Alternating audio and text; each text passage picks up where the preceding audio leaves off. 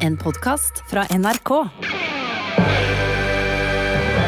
Velkommen til Gal og genial, en vitenskapsserie for det som elsker sære genier.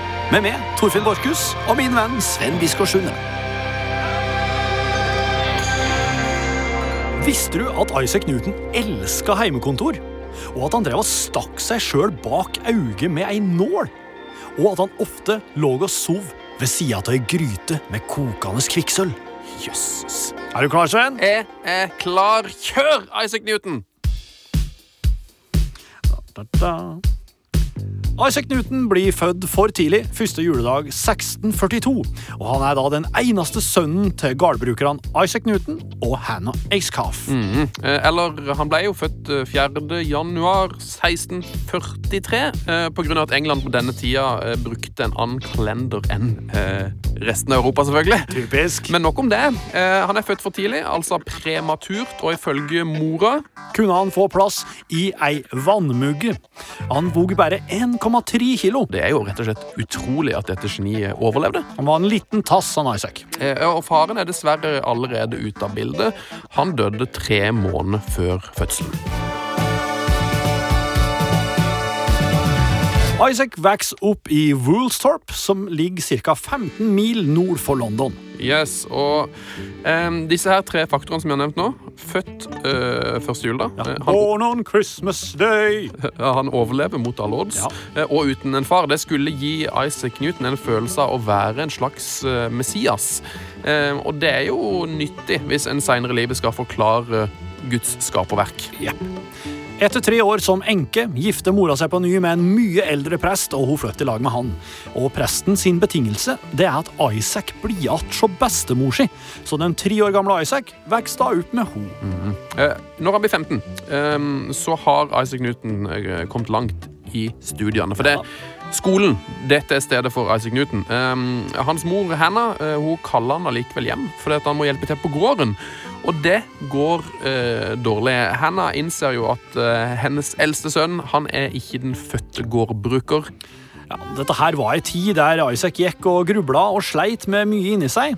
Og det her kan en lese om den dag i dag, fordi Isaac skrev nemlig dagbok over sine synder. Altså ting han hadde gjort seg skyld i, da, ifølge han sjøl. Har du lista? Ja, har lista her. Har du lista? Ja. Fra 1600-tallet? Ja. Wow, ok, Ja. la oss høre. Han har blant annet store kirsebærsteiner fra Edward Store, altså en nabotype. Ok. Og han hadde nekta for at han gjorde det. Ja. Og han hadde stoler fra mor si sin boks med plommer og sukker. Det var godteri på den tida, vet du. Han hadde kalt Dorothy Rose ubrukelig. Da. Han hadde sli søster si, han har sli mange, og han har ønska å dø og håpa det på noen andre. Eh, og han hadde jo håpa at mor og far Smiths hus skulle brenne ned med dem inni. Han har laga pai en søndagskveld. Det var jo ikke så spesielt bra på den tida. Ja, for På den tida så var det synd. Det er hellig, Da skal, da skal du skulle ikke gjøre noen ting annet enn å gå i kyrkja på søndagene. Ja. Eh, spruta vann på din dag, det er altså da en søndag, regner jeg med. Det er Ja, Guds dag. Guds dag, ok. Ja. Og at han har hatt ordreine tanker, ord, handlinger og drømmer. Ja, og Det er fint innblikk, eh, og det sier jo òg noe om at han, eh, han sleit jo litt på det religiøse planet. Jeg tror ikke han følte liksom han strakk til der. Nei. Men heldigvis, eh, på skolen, der strakk han til, og der gikk det jo meget bedre. På tide med en quiz, selv? Ja, det syns jeg. Når Isaac er 18 år gammel, da forlater han gården der han har helt til nå, og fær på ei helt ellevill reise. Prøv å gjette hvor han fær hen. Nå reiser han på en helt ellevill reise. Da reiser han til Peru. Godt tipp, men det er ikke dit. Um, Versailles. Åh, dit hadde han sikkert ikke lyst til å reise. Eller? Nei. Silkeveien. Nei, han fær faktisk bare 85 km. Til Cambridge. Der ligger nemlig Trinity College. Eh, Isaac reste nemlig sjokkerende lite. og Han var aldri så langt nord som Liverpool, eksempel. Ok, Så dette var rett og slett en vill reise for han. Ja, for han, ja. Hvordan er han eh, utseendemessig? Tidenes hockeysveis, vil jeg si. Okay. Veldig bustete, veldig oflidd. Eh, gikk med oknytta sko, eh, sov med klærne på. Altså, Ca. 1,68 høy, brune øyne, kraftig bygd. Mm. og drakk ikke, var ikke interessert i sosialisering og sånn tullprat. Nei, Det skjønner jeg jo litt òg, fordi han, som vi nevnte tidligere, Han er for smart. Jeg tror at han eh, Det, det funker ikke så godt for han Nei. å snakke med folk som er dummere enn han, og Nei. det er alle. Alle er dummere enn Newton, så han, han, han, er, han blir en, en litt sånn ensom type. Eh, De første tre årene til Isaac eh, på Trinity College eh, så blir han altså etter hvert mer kunnskapsrik og innsiktsfull enn eh, enkelte av skolens ansatte. Han, han gruser lærerne, og nå møter han på en måte for første gang et problem som han vil møte flere ganger i livet. Han skjønner at han er for smart. Det er slitsomt. Det er slitsomt for han. Og noe annet som er veldig slitsomt, det er svartedauden. Den herjer fortsatt verden over 300 år etter første utbruddet, og den har nå gått en lang tur og kommer tilbake til England. Og Det fører til at Newton må ha heimekontor i Woolstorp. Dette her er en god nyhet for Isaac, altså, for at han slår nemlig ut i full blomst på heimekontoret. Eller mirakelårene, som vi kaller det heretter. Ja, og du skjønner jo da, når disse kalles mirakelårene, at årene fra 1665 til 1667, eh, det er gode tider for Isaac Newton. Eh, historikere kaller det Newtons mirakelår, og her tenkte han altså tanker som var helt ville eh, for si tid, og egentlig òg den dag i dag. Han fant ut utrolige ting.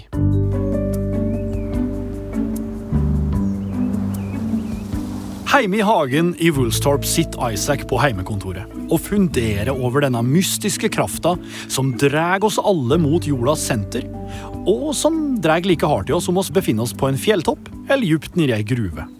Kan det hende at den krafta her strekker seg helt til månen, tenker Isaac. Er det nå eh, det skjer, det, det kjente? At, han, at, at eplet ramler ned i hodet på han? Ja, ikke sant, Det ramler ned, men det treffer nok ikke en i hugget. Nei! Nei, fordi han, Isaac nevner et eple i brevene til venner her. Fordi at han har et epletre i hagen, det vet oss. Og han har observert eplet, og at det på en måte bare løsner og detter rett ned i ei rett linje. Men han fikk det aldri i hugget. Fikk det aldri i hodet. Ok. Eh, men disse her miraklårene, hva består eh, de av? Altså Noen ganger så er jo noen så heldige at de klarer en gang i livet å finne opp en egen lov. Men det Isaac gjør, det overgår alt både før og etter han. For han oppdager bevegelsens tre lover. Han avslører hva ei lysstråle faktisk består av, og han logger sitt eget regnesystem, derivatregning. Og ord strekker egentlig ikke til for å beskrive hvor spektakulært det han gjør her, er. Nei, det er nesten uforståelig. Og når eh, ikke egne ord strekker til, så må vi jo bruke andres ord. Um, jeg tenker Det kan jo kanskje passe nå å bruke eh, Petter Solberg, rallykjøreren, eh, sine ord. It's the biggest thing in the whole world. Ikke sant? Ikke sant? Ja. It's the biggest thing in my whole world, tenkte nok uh, Newton. Og det er altså så fant... Altså, jeg skjønner fortsatt ikke helt Newtons lover. Uh, kan du forklare det til meg på en enkel måte? Ikke en enkel måte, men lovene her gjelder for, for alt fra trappetroll til bowlingkuler til romferger. Den første loven sier at en bowlingball ligger rolig med mindre den påvirkes av noe. Den andre loven sier hvor fort bowlingballen vil treffe kjeglene, men det kommer litt an på hvor stor og tung den er, eh, ganger hvor mye kraft du bruker. Og Den tredje loven den sier at når du slipper bowlingballen, så vil den samtidig skyve det litt bakover, altså en slags motkraft. Det er i korte trekk det bevegelseslovene går ut på. Jeg skjønner det fortsatt ikke helt. Nei, Men det enkleste er om du ser for deg Newtons vogge. Ja! Hadde dette vært TV-program nå, så hadde du sett et stativ med fem kuler på, hvor de to ytterste kulene svinger att og fram, mens de tre i midten står ganske rolig. Kraften bare passerer gjennom dem. Og det her jo bruker jo folk for å sove. Og det ligger jo ti timer lange opptak av Newtons vogge på YouTube. Tick, tick, tick, tick, tick, tick. Ok, nå har du hørt at Isaac løste universets gåter på heimekontoret. Men foreløpig er det ingen andre enn et par venner som veit om det. Og nå skal du få høre hvordan han faktisk fikk foten innafor i vitenskapsmiljøet. 23 år gammel så gjør eh, Isaac Newton ferdig masterutdanninga si, eh, og så bygger han et teleskop. Eh, Og dette skal bli viktig. Ja, det er 15 cm langt, det er et ganske lite og kompakt teleskop, men det fungerer bedre enn de andre teleskopene på den tida, som er mye større. Veldig bra jobba, og det her gjorde han helt ut ifra eget tankearbeid og sin egen ingeniørkunnskap. Yes, og nå går alt i racerfart, eh, iallfall til å være på 1600-tallet. Ja. Eh, husk at alt eh, skjer via brevs form på denne tida her. Eh, og som 25-åring så blir Isaac Newton ansatt som matematikkprofessor ved Trinity University. Så nå går det, nå, nå går det bra. Ja, ja, ja. Det er jo lett å tenke at uh, vår mann her, han var tidenes lærer og foreleser. Han var en som kunne inspirere elevene til store tanker og oppdagelser. Men det var ikke helt slik, ifølge elevene. Dessverre. Eh, altså, det, som sies om Newton eh, Tenk å ha Newton på skolen. Ja. Eh, Men altså, det som sies, Newton var eh, kranglete, han var mumlete, han var usammenhengende. Eh, en av elevene blir sitert på at eh, Isaac Newton eh, han har gått rundt på universitetsområdet, eh, og selvfølgelig litt sånn for seg sjøl. Ja, ja. Og da, der hadde han en elev sagt sånn Der går han som foreleser for veggene. Det er trist. Det er trist. Ja. Det er Verdens smarteste fyr står og bare prater til et tomt rom. Det er rett og slett trist. Han, han fungerte ikke. Han var, han var en mislikt foreleser. Eh, og så må jeg bare minne om litt galskap her at òg. Det her er jo gal og genial. Eh, en eller annen gang i løpet av det her teleskoptida, da han bygger det, så gjør han noen ting som er veldig skummelt. Eh, han tar nemlig ei nål, ikke den spisse enden av nåla, men den andre enden av nåla, den du trer Butte. ja, den du trer tråden gjennom, den tar han og kiler inn her ute i kanten ai, ai. Og så skyver den inn bak Mm, og så driver den der og dytter på auget bakfra med ei nål for å finne ut om hvordan auget oppfatter lyset når det blir klemt på.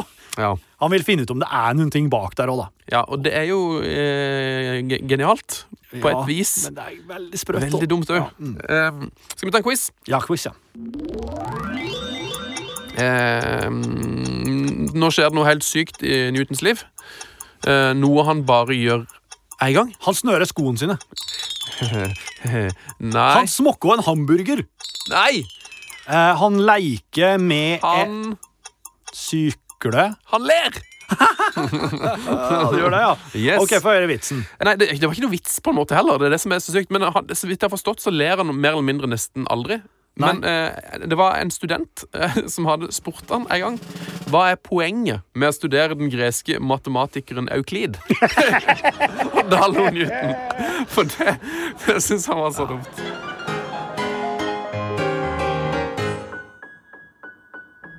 Nå skal du få høre hva som er viktig med det. OK. Men først så må jeg fortelle om eh, The Royal Society, altså vitenskapssamfunnet i England. Ja, Og det her er en gjeng karer, det er bare menn, så klart. selvfølgelig. Eh, genier og amatører.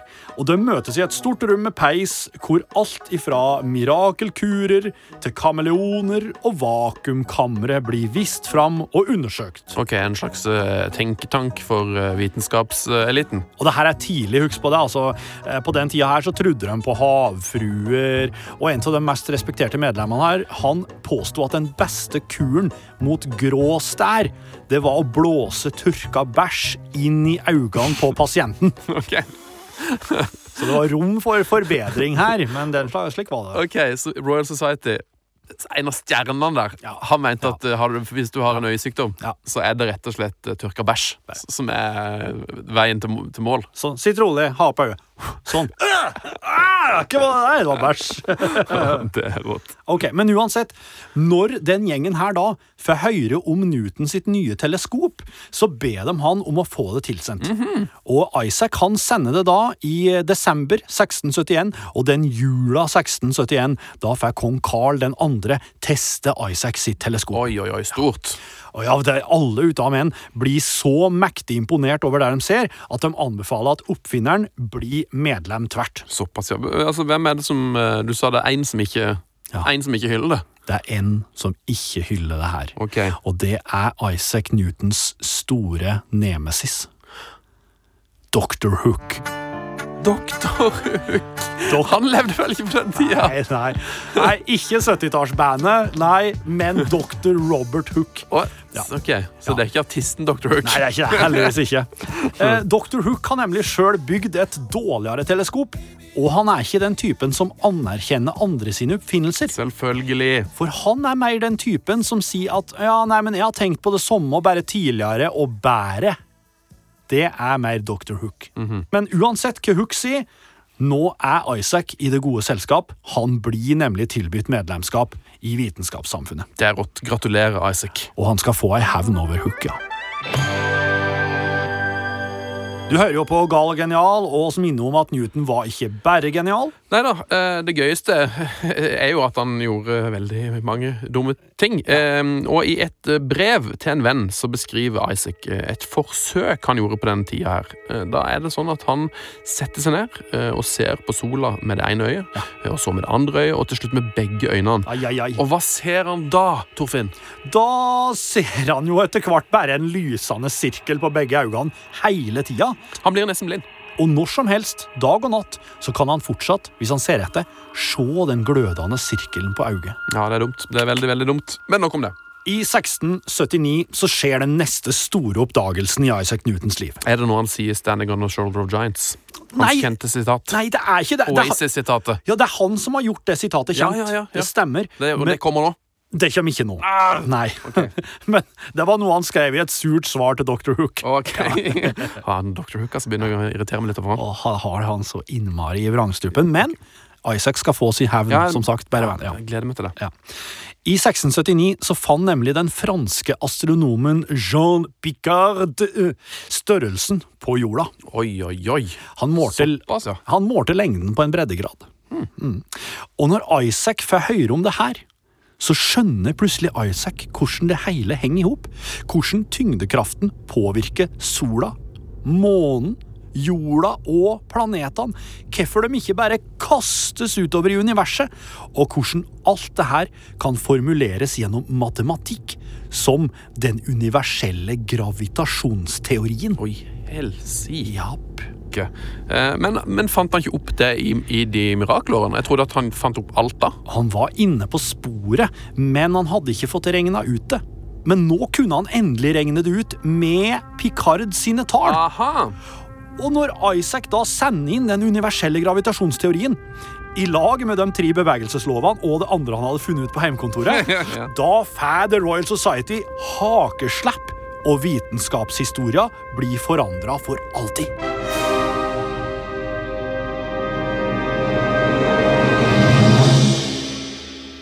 Der pika egentlig vitenskapsmannen Newton. Det her var Isaacs siste vitenskapelige triumf, og etter det her så gir han ingen flere nevneverdige oppdagelser. Han er nå 36 år, og han brevveksler blant annet en del med Edmund Halley, altså kjent fra himmelfenomener som Halleys komet. Oh ja, han kjente han. Han kjente Halley, ja. Eh, Men hva bruker han tida på nå, da? Nå bruker Isaac tida på brevskriving, bibelstudier og alkymi. Ting han ikke prata veldig høyt om. Det var ikke helt stuereint å drive med det. Og det kan faktisk lese om den dag i dag, i ei veldig eksklusiv og håndskrevet bok som nylig ble solgt på auksjon i 2020 for 500 000 dollar. Den er skrevet på engelsk, latin, gresk og hebraisk, og den handler om filosofi, alkymi, bibelske profetier, apokalypsen og dimensjonene på pyramidene i Giza. Og dette er en slags eh, dagbok eller arbeidsbok for liksom For Newton, Det her var Newtons liv. En kjempesvær bok, høres det ut som, da. Det her er ei bok han brukte mange år og mange hundre pund på etter at han hadde gjort ferdig sine vitenskapelige oppdagelser. Og Der skriver han om alkymi. Eh, det har vi vært innom så vidt, men hva, hva, er, hva er alkymi for noe slags greie? Eh, og hvorfor er Newton så opptatt av det? Alkymi er en slags forløper til kjemi, og alle de smarteste folkene i hundrevis av år hadde drevet med alkymi for å finne de vise stein.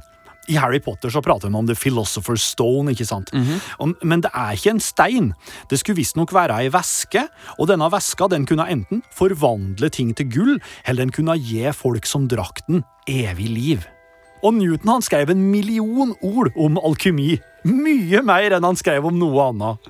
Og det må ha vært litt av noen scener. Altså, altså Ei heksegryte med kvikksølv som står og putter og koker mens Newton ligger med klærne på i senga ved sida av og snorker og puster inn denne kvikksølvdunsten.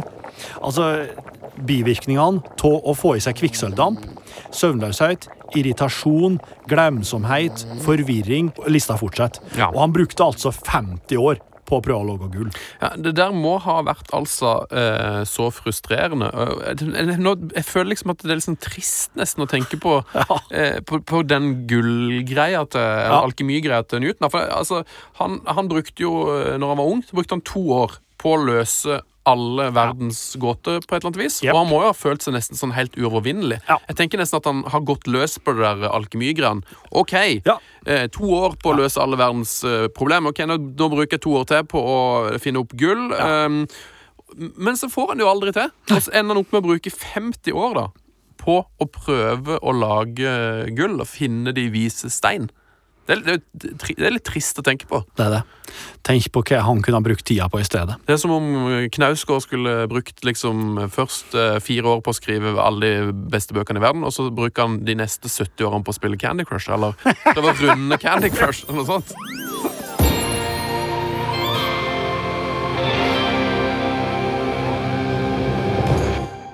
Isaac spår verdens undergang i 2060, basert på bibelstudier.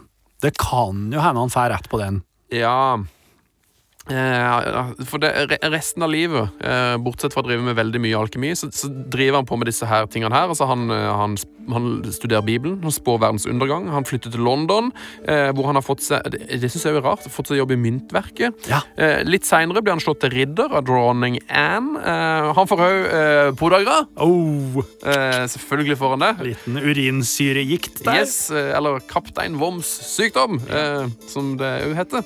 Eh, og så blir han jo òg søkkrik eh, av noe som heter The South Sea Bubble. Ja, det er den første finansbobla noensinne, og det er òg den største finansbobla til nå. Og det handler om at eh, South Sea Company de får enerett på å handle i Sør-Amerika, og prisene går i været i 1720 og kollapser senere samme år. Og Newton han kjøper seg inn, men han selger rett før og tjene masse penger. Han dør jo som Englands rikeste mann, han Isaac Newton, på grunn av det her.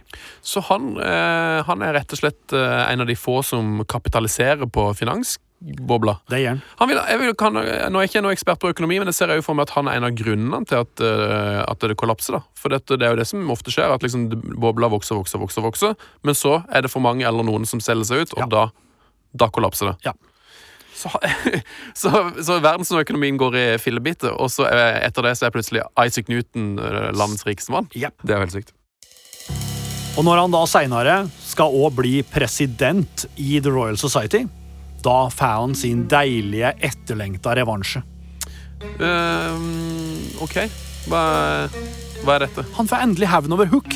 Å, Dr. Hook! Nå får han det! Ja, nå får han det! Hva er hvordan, hva, Fortell! fortell. Jo. Hva er det Hva er det han gjør mot Altså- Dr. Hook? På den tida her, ikke sant? Så er det jo slik at det er jo ingen som husker hvordan du ser ut, med mindre du har fått mala et maleri av deg. Ja, dette er portrettets gullalder. Ja, det er det virkelig.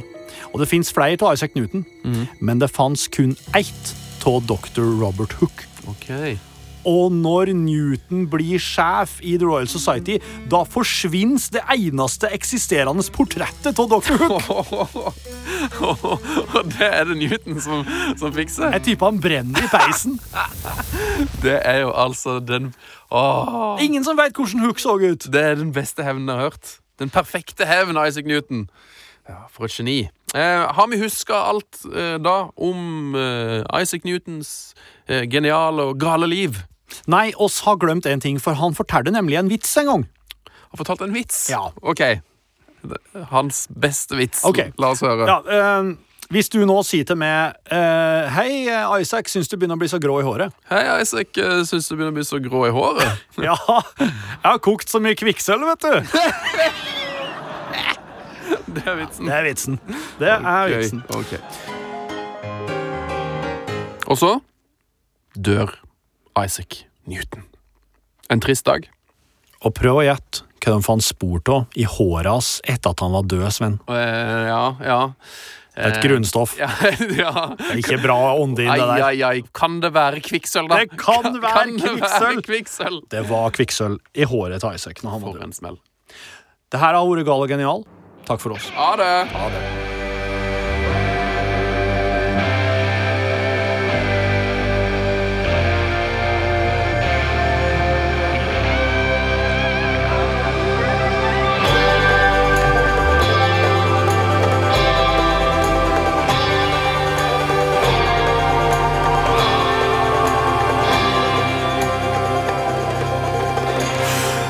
Denne podkasten er logget av Sven og Torfinn Erlend Åke Solbu, kjenningsmelodi av Stian Karstensen, lyddesigner av Ingebjørg Hagerup og redaktør Eline Gevelte Andersen. Ny episode neste tirsdag. Vær velkommen.